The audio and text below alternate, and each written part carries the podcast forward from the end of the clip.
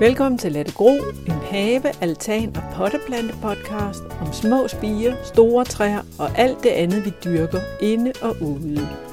Jeg hedder Helle Sindal, jeg har selv have, og jeg synes, det er sjovt at eksperimentere og lære noget nyt.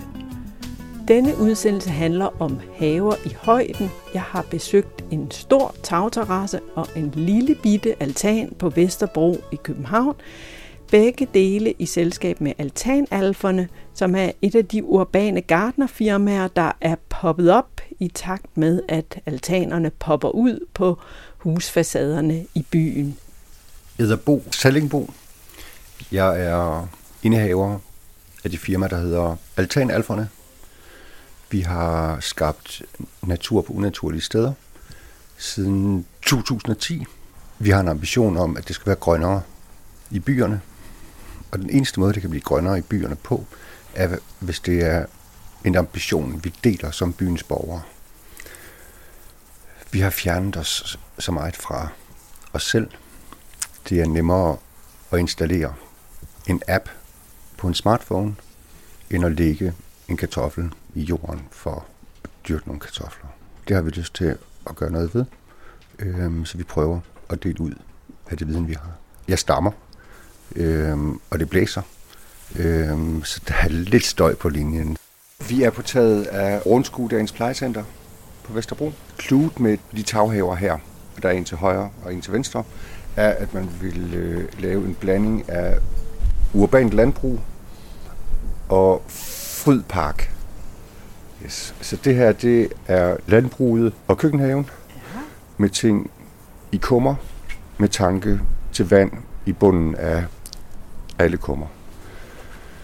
Og der har vi så fra en ende af havtårn, laverbær. Øhm, og det er interessant med havtårn, at man skal have en han og tre hunder, for det giver noget, ikke? Så det var meget sjovt. Den har harem. Ja, ja, den har harem, den, den gode havtårn. Over på den anden side har vi så te, mere laverbær, hihimba, jordbær, løvstikke, hyld, stikkelsbær, stikkelsbær og krydderurter, druer, så man kan eksempelvis øh, lave hanekylling i druer og sådan, ikke? så det er, det er meget lækkert. Inden ved siden af, som så mere er en park, er der også et hønsehus, som vi har bygget i mahoni. Her så har vi anlagt en plæne i kunstgræs oven på gummifliser. Så hvis du hopper på den, så føles det næsten som en, en rigtig plæne. I og med, at der er halvtag, har man muligheden for at komme hele året. Plænen er grøn hele året. Mange af træerne og buskene er grønne hele året. Man kan få en udendørs haveoplevelse hele året, og også i rullestol. Så det er jo og en lille smøg hen ved bordet. Og en lille smøg hen ved bordet. Det er vigtigt. Ja. Nu siger du, at øh, en del af, af planterne vækker noget genklang hos, mm. hos de ældre. Mm. Men vi er jo midt på Vesterbro. Ja. Har, har folk haft have? Nej, øh, men de er, er kommet i parkerne, har måske haft en kolonihave mm. ude. Ikke? De er også utrolig interesserede i her i huset at have et samarbejde med de børnehaver i området. Både for at børnene og de gamle har anledning til at være sammen, men også sådan, at ungerne i nabolaget har mulighed for at komme her og lære om den der jord til bordproces. En høne, hvor er det en høne kommer fra, og så videre. Planterne her, mm. er de valgt Altså også for nogle særlige, hvad skal man sige, taghave, altan egenskaber. Ja, ja, ja, for fanden mand. Øh, alt, altså, der her er ting, vi ved har mulighed for at klare sig ad over med hård blæst, hård sol og ting. Og af samme grund står alt i tønder og kasser med tanke i bunden. Fordi eksempelvis en blåregn ud på højsommeren, store blomster, masser af bladfang. Når den står i høj sol og blæst, så er der en, e, en e, enorm afdampning fra den. Og så skal det være sådan, at den har vand i tanken. Og det samme æbletræet eksempelvis. I det øjeblik et frugttræ står og, og tørrer i væksten, mens den udvikler frugt, så vil den smide frugten for at overleve. Så når man skal plante på altaner og tagterrasser og sådan udsatte miljøer, så er det bare en rigtig god idé at have tanke. Krukkerne, som planterne vokser i, er i princippet to spande sat oven i hinanden. En stor spand med plante og jord, og så en øh, mindre spand nedenunder, øh, som der er vand og gødning i.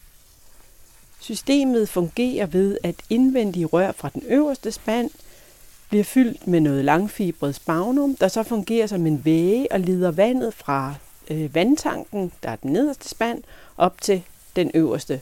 Og så kan man så fylde vand og gødning i øh, vandtanken via en påfyldningsstus, der stikker op af jorden i den øverste spand. Og vi laver dem kun i plast øh, af den grund, at de har ikke nogen egenvægt. Så når vi skal arbejde på et tag, skal vi overveje, nu kommer vi med et træ på 100 kilo, som skal stå i 300 liter jord. Når det jord bliver vådt, så vejer det halvandet kilo per liter. Så går det ikke, at vi også har en terracotta-krukke på 100 kilo eller mere. Og det er vel især, altså på mindre privataltaner, er det med vægten vel noget, man, man skal regne lidt på, eller? Man skal altid tage vægten i betragtning, men du kan sige,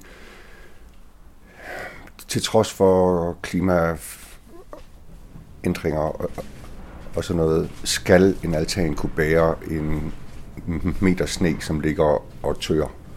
Det er altså rigtig mange kilo. Det skal den kunne holde til. Jeg har en altan på 2 kvadratmeter.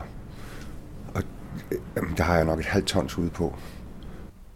Jeg holder utrolig meget af, af den idé, som ligger i at skabe natur på unaturlige steder. Natur er ikke noget, man kan skabe på en dag eller en uge. Det er noget, der kommer ad over.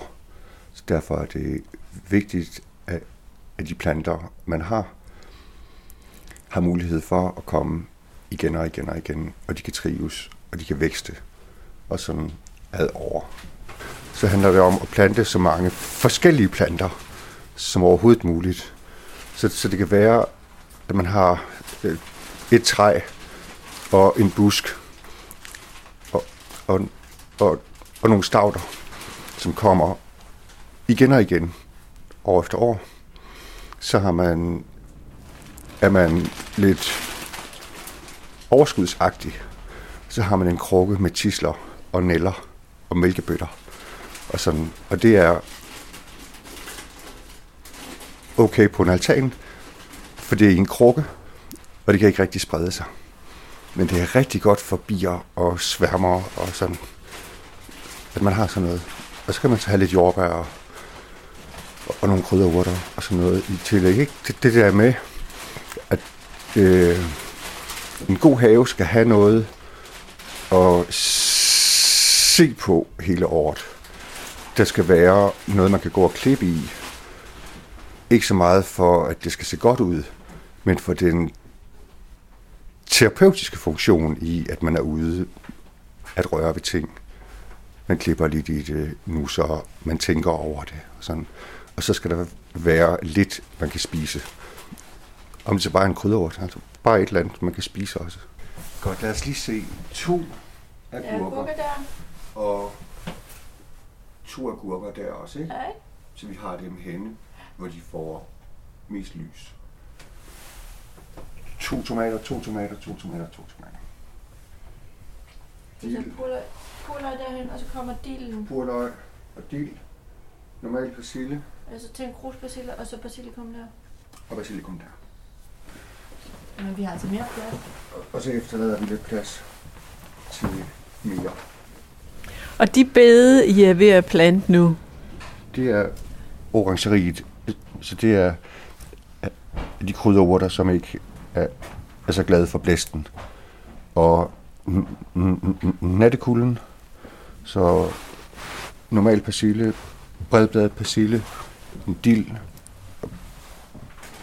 basilikum, agurker og tomater.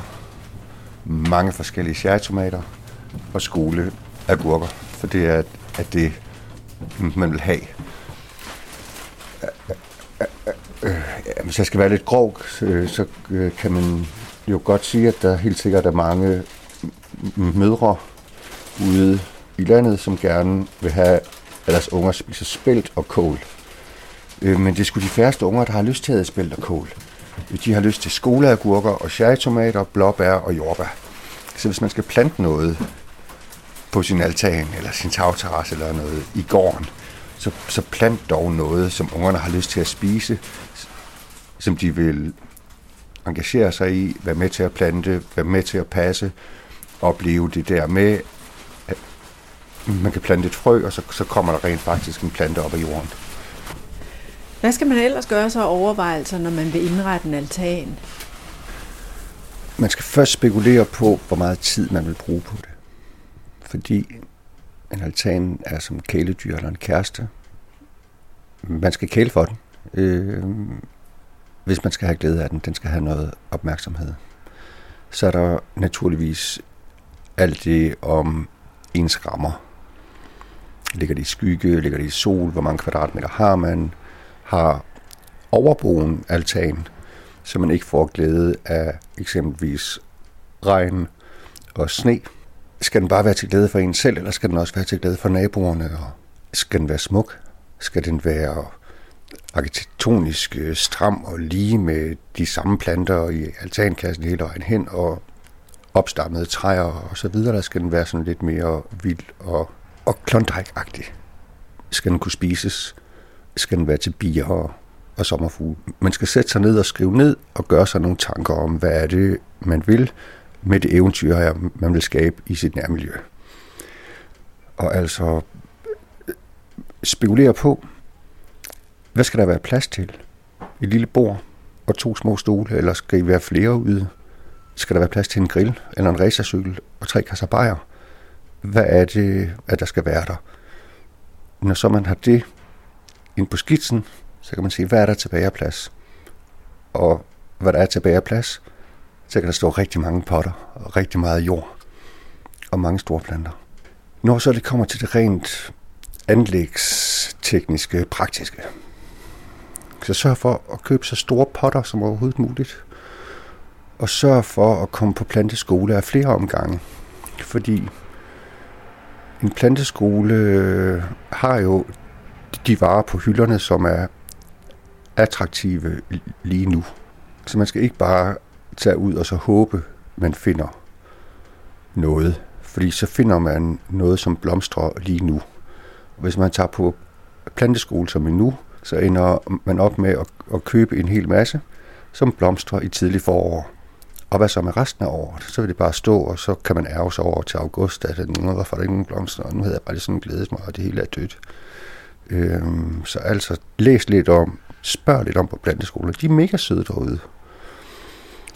Hvordan er det, jeg skaber noget, som blomstrer sporadisk fra tidligt til sent, altså fra medio februar til november? Og det kan sagtens lade sig gøre også på ikke særlig meget plads. Er der noget, du ser som sådan klassiske altanbrøler, som gør, at folk måske går sur i det? Ja, øh, de, de køber for små planter og sætter dem i for små krukker. Og når man så har været væk i den weekend, hvor der var hedebølge, så er det dødt. Eller hvis lige i den uge, man havde mega travlt på arbejde, og bare var så utrolig træt, når man kom hjem, at man glemte at vande. Efter besøget i Taghaven på Rundskudagens plejecenter, skal vi på en safari i 4 sals højde hjemme hos Bo og Lene Sallingbo. Vores egen altan er en blanding af Klondike og e- eksperimentarium for, hvad der kan lade sig gøre og gro i halvskygge på fjerde sal med meget blæst. Og hvis det kan klare sig her, øh, så kan det sgu klare sig de fleste steder. Øh, og så er der også et tema, der hedder, at der skal være en hel masse til bier og bestøvere øh, og småfuglene. Øh, fordi øh, vi har mange små fugle, og det er mega hyggeligt. Og vi har sågar haft en, en hø inden forbi, og sidde, den sad lige der. Og det gjorde altså, at der var ikke så mange småfugle lige i nogle dage. Så puttede jeg hampefrø i, i automaten der, og så kom småfuglene tilbage igen. Terrassen startede med, at jeg fik et træ alene i fødselsdagsgave. Og så sad jeg der en aften i solen med et øh, glas hvidvin eller tre. Og så pludselig øh, så var det hele orange, og jeg så lyset omkring, hvor fuldstændig fantastisk det er at sidde i skyggen af sit eget træ på altanen lige ud for køkkenet. I den periode der arbejdede jeg inde på Christiansborg som gartner i bibliotekshaven. Og den herlighed, som er i bibliotekshaven, med de forskellige træer, de forskellige stauder, alt det der, var det, jeg ønskede at skabe bare i miniskala. Og det er nok også der ideen er kommet til med, man kan ikke have for mange planter i sit nærmiljø. Nu ude på den her altan, så er der plads til, at øh, man kan sidde en på altanen og to i køkkendøren. Og så er der lagt sådan nogle flade sten ned i de store krukker, så man kan stille sin hvidvin fra sig, når man sidder herude i aftensolen. Hvad vokser der her på... det er godt nok en større omgang. Når man, hvis vi tager det fra en ende af, fra venstre mod højre i toppen først i altankasserne, så er det en agastache, indianermynte, en blå kant, anisisop, en blå kant mere, rosmarin, timian, mere timian og to eføj af den røde slags, som hænger ud mod naboen, så naboen også føler, at de får noget kærlighed og, og noget omtanke. Og så er der så en chokolademynte, pebermynte, marokkansk mynte, to blåkant, to storkenæb, en isop og jordbær i bunden. Og en, en kæmpe klatterrose, som arbejder sig op af espalier op af husmuren. Så er der min junglekrukke med haveiris og bregner. Og den kombi af haveiris og bregner er så fantastisk, fordi haveirisen har sådan nogle lange spidseblade, så får den også en blomst. Men det er ikke så interessant med blomsten, det er dens blade, der er interessante. Og når de lange spidser der blander sig med de store bregner, så har man det som om, at man står på kanten til en regnskov. Nedenunder den store piris står der en lille piris med hvide kanter og en hortensia. Lidt inde i hortensiaen, som ikke har blomst nu, står der en stor lilla hortensia blomst i plastik fra Ikea. Det er også hyggeligt. Og bag ved jordbæren og den gamle piris, helt over i hjørnet, står der en kæmpe krukke med en stor magnolia på 3 meter. Og det, der er interessant med den, er, at den har aldrig været klippet. Så det er en busk med grene i håndledstykkelse og en rodhals, som en god læg. At jeg fik ham for tre, tre et halvt år siden, øh, så kom han i en potte. Han vejede 130 kilo. Jeg bar ham selv op ad trapperne til fjerde sal. Så det er altanen i store træk. Øh, to kvadratmeter med et halvt tons jord, krukker og planter. Øh, rundt regnet, når man tæller det hele med, også små bunddække, og, og, og der er jo så altså ikke bare én i, i jordbærplante. Øh, så er der nok 100 planter og plastikblomster. Så der er noget at se på hele året. Også for naboerne. Øh, og, hvis man øh, er lidt entusiastisk omkring det og køber nogle plastikblomster af høj kvalitet, øh, er de så livagtige, at selv humlebier og bier, de kommer og lander på dem og, og skal lige se, om der er noget at stikke snablen i. Øhm, det er jo så selvfølgelig lidt en skuffelse for dem, men så er der så meget andet her. Altanhaven her er en fest og dejlig at være i om sommeren. Desværre er der også en slange i altanparadiset, som mange vil ikke genkende til. En slange, der har fået Bo Sallingbo til at plante spyd i mange af krukkerne på den lille altan. Jeg kæmper med at holde duer væk. Øhm, og jeg er utrolig ked af, at jeg skal, og skal sige noget ikke ubetinget positivt om noget af herrens skaberværk. Men altså, jeg hader duer. Jeg er en duehader, øh, og jeg har plantet spyd i alle mine altankasser og min, min jordbærkrukke og vintergækker, og, og, og der skal endnu flere spyd i, øh, fordi jeg vil simpelthen ikke have dem her. Øh,